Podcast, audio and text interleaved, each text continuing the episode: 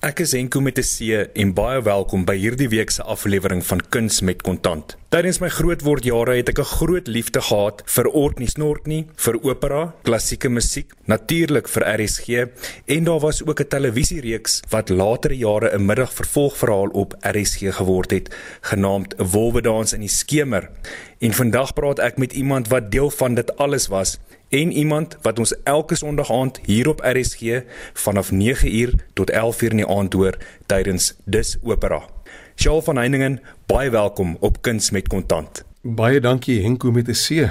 Lekker om met jou te gesels. In die wêreld van uitvoerende kunste het jy blou bloed wat deur jou are loop. Met 'n pa soos François van Heiningen wat latere jare met die bekende sopran Lucille Ackerman getrou het.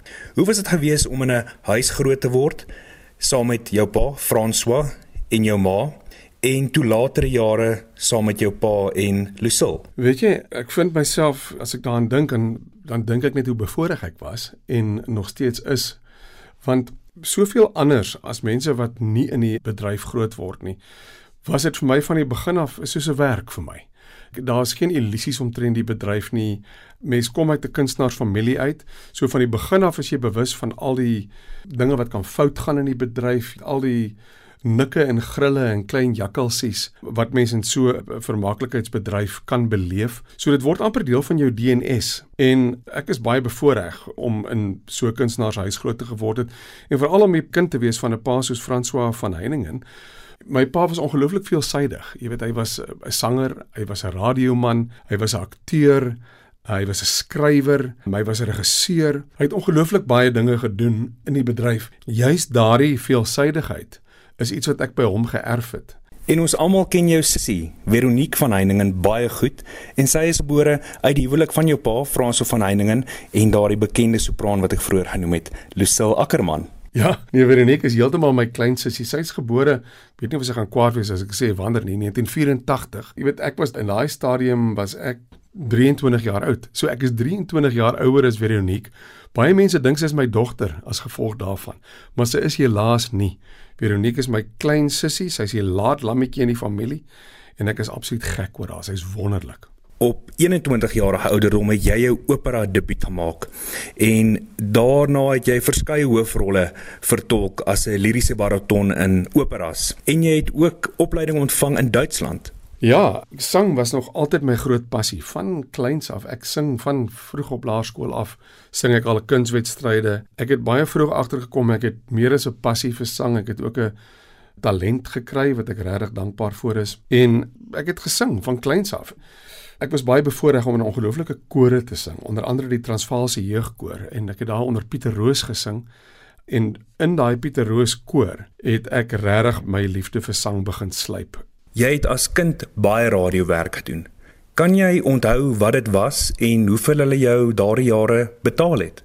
Toe ek 10 jaar oud was, het ek in 'n radiovervolgverhaal beland. Ek was dan 3. Ek sal dit nooit vergeet nie. Die storie se naam was Die Groen Goen. Die regisseur was Iris Bester. En ek het toe op daai ouderdom, op 10 jarige ouderdom, het ek toe as 'n kinderspeler begin werk in radiodramas en daarna, soos hulle sê, die res was geskiedenis, nog by die ou SAK in Commissionerstraat in Johannesburg. Met ander ek, ek het op 10 jarige ouderdom begin geld verdien. Ons het daai tyd nog iets soos R4 'n episode betaal.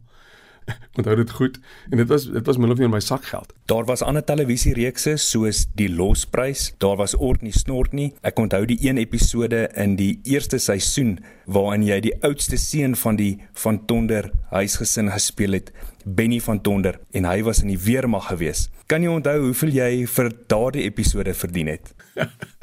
Wie ek kan regtig nie onthou nie. Ek kan regtig nie onthou wat ek spesifiek vir ook nie snork nie betaal is nie. Ek weet ons is daai tyd iets so R700 'n episode betaal. Ek meen ek was daai tyd in die weermag.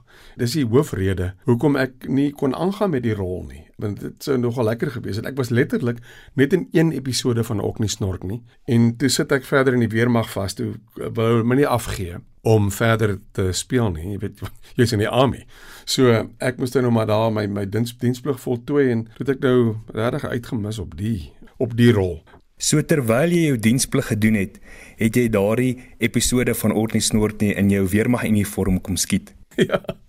ja, ek dink Willie wat die tekste geskryf het, Willie ehm um, Esterhuizen, het dit toe nou maar in die storie ingeskryf. Benny kom van die weermag terug. So ja, dit het lekker dit het lekker gewerk. Jy het 4 albums vrygestel waarvan een 'n geestelike album was. Enige geld uit hulle gemaak? O nee, ek wens ek het. My eerste album Maskers is interessant. Al die goed wat ek gemaak het is vreeslik hoog aangeskryf deur almal, maar ek het nooit geld gemaak nie. Dit het nie verkoop nie. Dit is maar net omdat ek nie 'n kommersiële kunstenaar is nie, nie 'n platenmaatskappy sterk agter my gehad het nie. Jy weet, soos wat hulle deesdae met Afrikaanse musiek het daai tyd nog nie so opbloei gehad soos wat dit vandag het nie. En my eerste album Maskers, ek het 'n SAMA nominasie gekry vir beste manlike kunstenaar. My album Life is Beautiful wat ek daarna opgeneem het, was 'n ongelooflike album. BMG, die platenmaatskappy wat later deur Sony oorgeneem is, het ontsettend baie geld op daai album spandeer. Hulle het 'n strykorkes vir my gehad. Kobus Buys is die ou wat nog in daai stadium in beheer was en hy was toe pas aangestel daar en dit was vir hom 'n groot projek, vir my 'n groot projek. Ek het 'n borgskap gekry van Kyknet met 'n vreeslike klomp advertensies. Kyknet was toe in sy kinderskoene en uitgesaai dat jy nie kan glo nie en die kitchen sink het geweet van my maar dit het glad nie tot verkope gelei nie. Jy moet maar regtig kommersieel sing, dan verkoop jy. Andersins verkoop jy nie. Jy kry 'n heerlike nismark vir wie jy optree, 'n klomp fans wat regtig mal is vir jou, so optredes gaan dit baie goed. Wanneer jy nou lewendig optree, jy bou nog al 'n lekker gehoor op, maar albumverkope is 'n ander storie. Wat beteken dit vir jou om 'n impresario te wees? Weet dit beteken vir my baie. Impresario is is 'n promotor. Dit is 'n grand naam vir 'n promotor maar impresario is eintlik net van toepassing op klassieke musiek. So ek het begin as 'n as 'n klassieke musiek impresario promotor deur top internasionale sangers na Suid-Afrika toe te bring. Uh, onder andere Brint Terfel het ek gebring vir Joshua Bell die violis verskeie ander kunstenaars van oorsee en dan ook plaaslike kunstenaars toere te reël vir plaaslike kunstenaars en daai tipe van ding het ek ook gedoen. Anders as as byvoorbeeld 'n vervaardiger, 'n vervaardiger vervaardig 'n produksie en hy sit hy kies kunstenaars en hy kry 'n regisseur en hy sit die hele ding aan mekaar. Dis wat vervaardigers doen. 'n Impresario gebruik kunstenaars en skep basies net vir hulle verhoog in 'n podium. En toe het ek nou maar as impresario het ek so aangegaan en ek het eh, klas, van klassieke musiek af het ek toe sommer net per ongeluk by default soos hulle in Engels sê 'n promotor begin word en dit is toe my dogters vir my in 2010 gevra het of ek nie asseblief vir Imogen Heap Suid-Afrika toe sal bring nie. Hulle is groot fans van haar en mense kan haar maar Google, sy sing fantasties. En toe het ek haar gebring, Nismark, maar 'n ongelooflike sterk gehoor en 'n loyale gehoor en dit was 'n groot sukses vir my. Ek het haar laat optree in, in in die Kaap en in Johannesburg en toe is ek mal daaroor om uh, toe besluit ek nee, hierdie ding wil ek doen en toe beweeg ek nou 'n bietjie aan na meer kommersiële kunstenaars. Ek het vir Tori Eymas gebring. Ek het vir Albert Hammond Suid-Afrika toe gebring, vir Il Divo Suid-Afrika toe gebring. En toe het ek nou regtig besluit dit is nou wat ek wil doen. Toe dit my hoofinkomste geword vir 'n lang tyd Omdat jy en jou pa uit dieselfde bedryf kom, kon jy by jou pa die moets en moenies van geld sien terwyl jy groot geword het in sy huis? Ooh nee, jy ek moet vir jou sommer eerlik sê, my pa was terrible met geld. hy was my pa was glad nie goed met geld nie. Hy het dit self erken ook.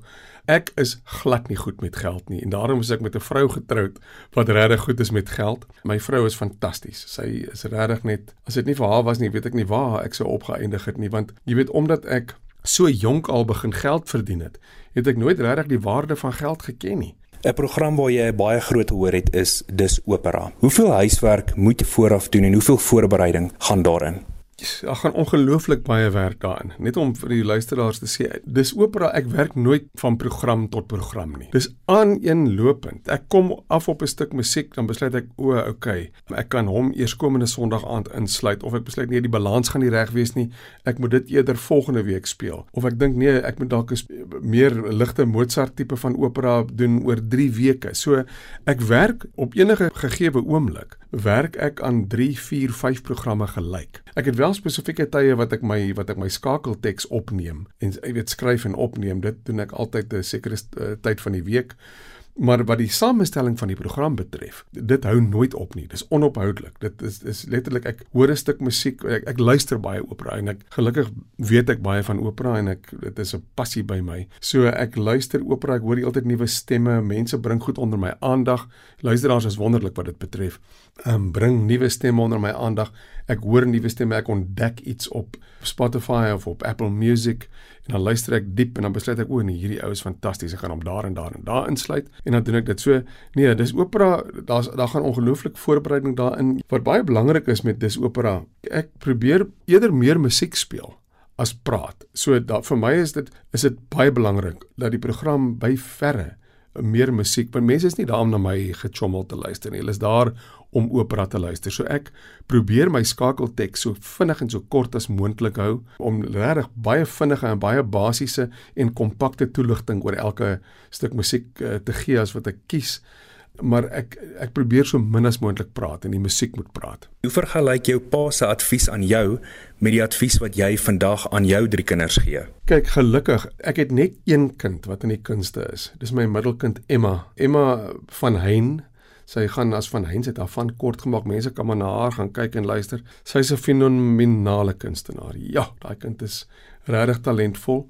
En sy is my enigste kind van die 3 wat ek het wat vroeg al in my voetspore gevolg het en in, in haar oupa en ouma se voetspore gevolg het. Maar ek het vir haar nou, sy's nou juis ons is nou in daai stadium van van haar lewe en dit was verlede jaar 'n baie groot besluit toe ons agterkom wat se gesukkel dit is vir 'n niskunstenaar soos sy om 'n lewe te maak in hierdie bedryf.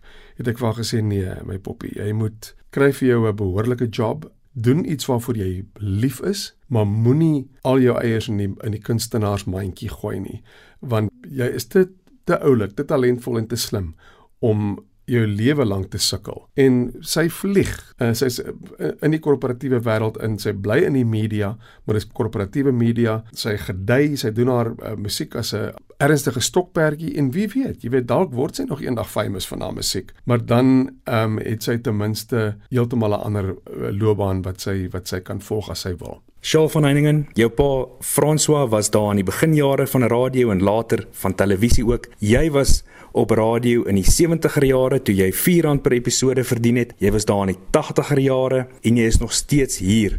Ek wil vir jou baie dankie sê vir die reuse bydrae wat jy gelewer het tot hierdie ryk geskiedenis en vir die reuse bydrae wat jy lewer tot RSG met onder andere dis opera. Baie dankie dat ek so lekker met jou kon kuier vandag. Ag baie baie dankie Enko. Ek waardeer die onderhoud, dit was heerlik. En uh dit was heerlik om met jou te praat. Baie dankie.